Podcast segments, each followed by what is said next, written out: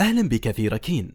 نعمل في مشروع ركين على توفير المعلومة الموثوقة والبسيطة حول حماية الأطفال من التنمر. لنرفع الوعي لدى الوالدين والمربين. كما نوفر محتوى خاصا بالأطفال. وركين أحد مشاريع مركز التنمية الاجتماعية ببريدة. والآن استمع لهذه الخلاصة. خلاصة كتاب التنمر. تأليف كيم أتنغوف. الدار العربية للعلوم ناشرون. مقدمة إن قوة أي دولة تعتمد على قوة وفعالية نظامها التعليمي الذي يعمل على تجهيز الناشئة لحياة هادفة ومفيدة. لذا كانت مسألة توفير مدارس آمنة لجميع الأولاد أمرًا مهمًا وملحًا. وفي هذا البحث يزود الباحث الأسرة والمعلمين بأدوات تعزز مشاركتهما في التصدي لكل التحديات التي تواجه الناشئة، والتي يمثل التنمر أحدها. التنمر سلوك ليس بجديد، وكثير منا عانى من التنمر أو مر عليه من كان ضحية له في صغرنا. وقد أفادت الدراسات أن التنمر كان سببًا في 80% من حالات إطلاق النار في المدارس في العقدين الماضيين، مما يظهر حجم المشكلة وخطورتها. فكيف للناشئة أن يواجهوا مثل هذه الحالات؟ بالهرب؟ بالاختباء؟ أم المواجهة؟ يفضل هذا البحث تحصين الأبناء وتشجيعهم وتزويدهم بالمعلومات المناسبة المساعدة ليتصرفوا بذكاء ضد أي عنف أو تنمر قد يتعرضون له. قصص من واقع الحياة المدرسة هي المكان الآمن لتكوين الصداقات وتعلم الأمور النافعة والمفيدة.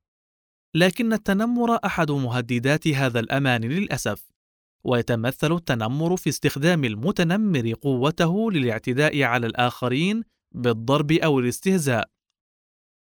أنماط التنمر واحد التنمر اللفظي بحيث يقول المتنمر أشياء جارحة للآخرين ويهددهم ويضايقهم بها. اثنان التنمر الاجتماعي وذلك بتدمير علاقة الضحية مع الآخرين وإبعاده عن المشاركة في المجموعات والأنشطة المدرسية المختلفة. ثلاثة: التنمر الجسدي يكون بإيذاء الضحية جسديًا أو بأخذ شيء يمتلكه، بالضرب والتكسير والسرقة. أربعة: التنمر عبر الإنترنت لا يحدث وجها لوجه كباقي الأنماط، وإنما يتم إلكترونيا بإرسال رسائل محرجة مع نشر الشائعات السيئة عن المعتدى عليه.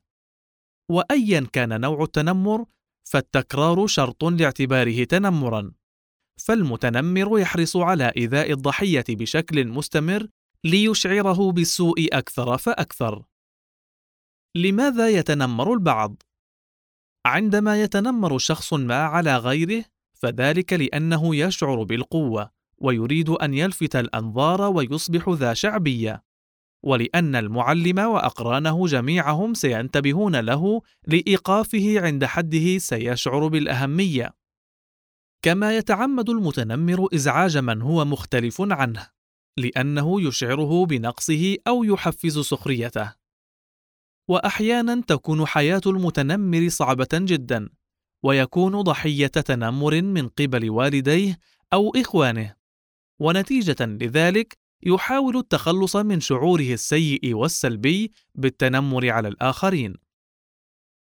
من قصص التنمر.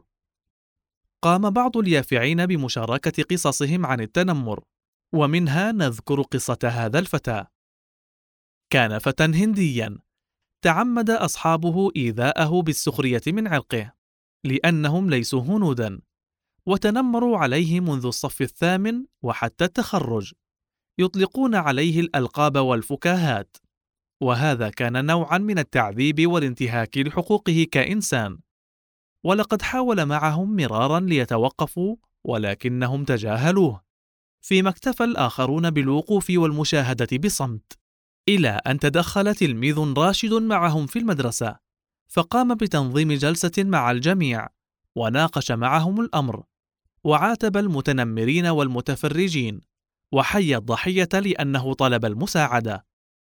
إن التنمر مشكلة شائعة جدا، فمن بين كل أربعة يافعين يوجد واحد عانى من التنمر، بعضهم تنمر عليه، أو كان هو متنمرا، أو كان متنمرا ومتنمرا عليه في نفس الوقت.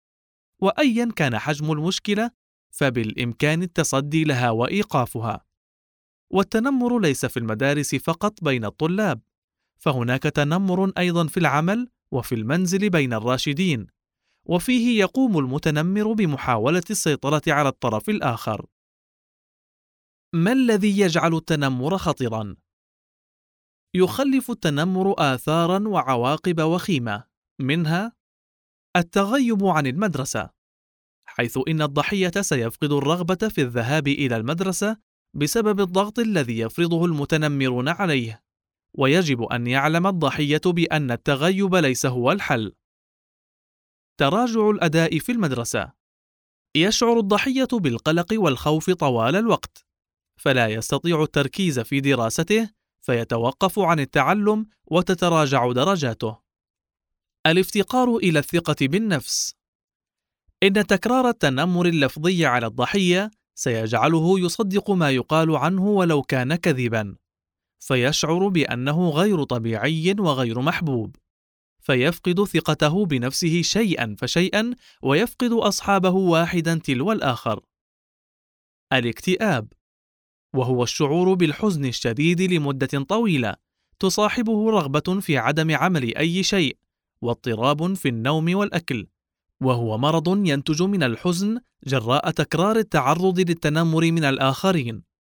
ولكن أيضا يجب أن يعلم الضحية أنه بإمكانه التعافي إذا طلب المساعدة من شخص مختص. العنف. إن الدفاع عن النفس أمر مقبول ولكن العنف وإيذاء الآخرين بدون سبب كما في التنمر الجسدي مرفوض. ويجب الانتباه إلى أن المتنمر عليهم جسديا قد يصلون إلى مرحلة ينفجر فيها ما بداخلهم من أذى فيتنمرون به على غيرهم. ولعل أقصى أنواع عنف التنمر هو إطلاق النار في المدارس. الانتحار. عندما يكون التنمر خطيرا وعنيفا يبدأ الضحية بفقد السيطرة على نفسه ولا يستطيع تحمل المزيد. وقد يلجأ إلى الانتحار. ولعل هذا بسبب أن المتنمرين المتوحشين هم من يدفعون الضحية إلى الانتحار إذ يقولون لهم أنه لا أحد يحبهم فيكتئب الضحية ويقدم على الانتحار فعلا. وهذه قصة ضحية منتحرة نقلا عن والدتها.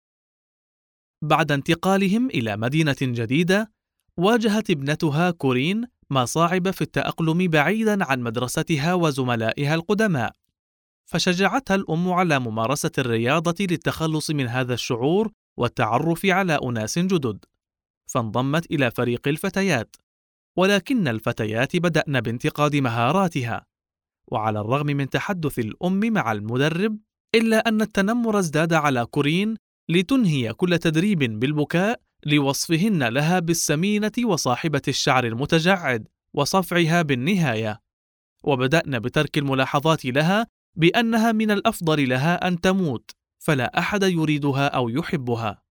وهذا ما دفعها عند رؤية المسدس في منزلها إلى أخذها وإنهاء حياتها.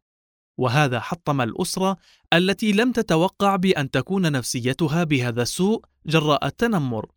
ولم يعلموا أنها كانت بحاجة لمساعدة جادة.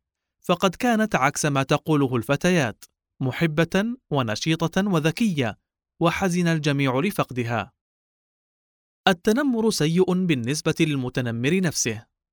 فقد أظهرت الدراسات أن وضع المتنمرين يزداد سوءًا، وتزيد الاضطرابات في داخلهم، والكثير منهم يتجه نحو الإجرام ويدان بجرائم قبل بلوغه الرابعة والعشرين من عمره.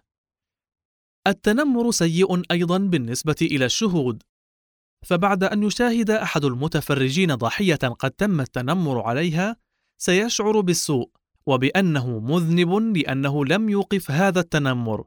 كما يشعر بالقلق لأنه قد يتعرض لهذا التنمر أيضا. البقاء بأمان وعلى استعداد دائما. لقد اهتمت المدارس والمنظمات والحكومات بتوفير الكثير من الوسائل لمساعدة الناشئة المتنمر عليهم على النحو التالي. واحد. في المدارس. يفترض بالمعلمين والمديرين والمستشارين النفسيين والإداريين معرفة كيفية التعامل مع التنمر والتصدي له في مدارسهم. ومن الأفضل عدم معاقبة المتنمر. وإنما التحدث إليه لمساعدته سواء كان اللقاء فرديا أو عبر حلقات نقاشية صفية مع مختلف التلاميذ كما حرصت بعض المدارس على زرع قيم الاحترام والتعاطف منذ الصفوف الأولى ليستطيع الأطفال التعامل مع بعضهم بدون تنمر. اثنان الحكومات أيضا للحكومات دور في مواجهة التنمر بوضع قوانين أكثر دقة للتعامل معه. وعلى المستوى الدولي خصصت ثالث جمعة من شهر فبراير للتصدي للتنمر حيث يرتدي المشاركون قميصا خاصا يظهر أنهم يتصدون للتنمر. كما سنت بعض الحكومات كما في اليابان قانونا يفرض على المدرسة أن تبلغ السلطات في حال وجود متنمر فيها. ثلاثة المنظمات والمجموعات حول العالم تساهم أيضا في الحد من ظاهرة التنمر مثل منظمة اليونسكو التي أطلقت برنامجا للتصدي للتنمر. ما الذي يمكنك القيام به لتبقى بأمان؟ يجب أن يعلم الضحية أنه يملك قوة كافية لإيقاف المتنمر عن فعله إما بطلب ذلك منه مباشرة أو بتجاهله تماما. أو حتى بطلب المساعدة ممن هو أكبر سنا. إذا تم التنمر عليك تصرف كالاتي تجنب المتنمرين بتغيير مقعدك أو طريق العودة إلى البيت وما إلى ذلك. كن واثقا من نفسك. فالمتنمرون يدفعون الضعفاء للبكاء. فحاول أن تخفي مشاعرك السلبية وتظهر قوتك وعدم خوفك منهم. تجاهل المتنمر. إن تجاهل الضحية للمتنمر يحبطه لأنه يسعى لتتفاعل معه أكثر فيزعجك أكثر. فحاول التركيز في شيء آخر ولا تهتم له. كن فخورا بنفسك. لا تصدق ما يقوله المتنمر عنك. واعلم أنك إنسان ذو قيمة وبإمكانك فعل الكثير مما تحب. حاول أن تكون صديقا للمتنمر. فأغلب المتنمرين يعانون الوحدة ومشاكل خاصة وبمجرد طلبك منه أن يحدثك عما يضايقه سيرتبك ويبتعد عنك. ابحث عن مجموعة أصدقاء تحبهم ويحبونك فمن يتنمر عليك ليس بصديق. الأصدقاء هم من يجعلونك تشعر أنك بأفضل حال. أخبر شخصا ما. أخبر المعلم أو المشرف أو أحد الأقرباء أنك تتعرض للتنمر وإذا لم يساعدك اذهب إلى غيره حتى تجد من يدعمك بقوة ويساعدك. قابل مستشارا نفسيا للتحدث معه عن مشاعرك السلبية. تذكر أنك لست وحدك فهناك الكثير ممن يعانون مثلك من التنمر. تحدث معهم فقد تستطيعون مساعدة بعضكم. إذا كنت مكتئبا أو تفكر في الانتحار اطلب المساعدة في أسرع وقت فسيتعامل الراشدون مع هذه المسألة بجدية كبيرة. ولا بد من التعافي من حالة الاكتئاب التي تمر بها على يد طبيب مختص. إذا شاهدت التنمر تحدى نفسك واطلب من المتنمر أن يتوقف ليعلم أن من يشاهده لا يشجعه. وحاول أن تستنجد ببعض الرفاق للتصدي معك له أو ادعو أحد الراشدين للتدخل. المهم الا تشجع المتنمر على سلوكه بالسكوت. إذا كنت متنمرا هناك الكثير من الطرق تساعدك على تغيير سلوكياتك. اعتذر لمن تنمرت عليهم. حاول الا تتحدث عن كل ما تراه في زملائك ولا يعجبك. تحكم بغضبك اطلب المساعدة من الراشدين. خاتمة. لأن التنمر أصبح شائعا في المدارس لا بد للمتنمر والمتنمر عليه والمتفرج أن يتعلموا كيفية مواجهته والتصدي له والتخلص منه فمعرفتهم تبقيهم مستعدين دائما للتعامل معه وبالتالي الحصول على الأمان المرغوب في مدارسهم. شكرا لاستماعك. يسرنا متابعتك لحساباتنا في شبكات التواصل الاجتماعي. ركين أندرسكور مي. كما نستقبل اقتراحاتك وأفكارك عبر البريد الإلكتروني. info at ركين مرجعك الموثوق حول التنمر.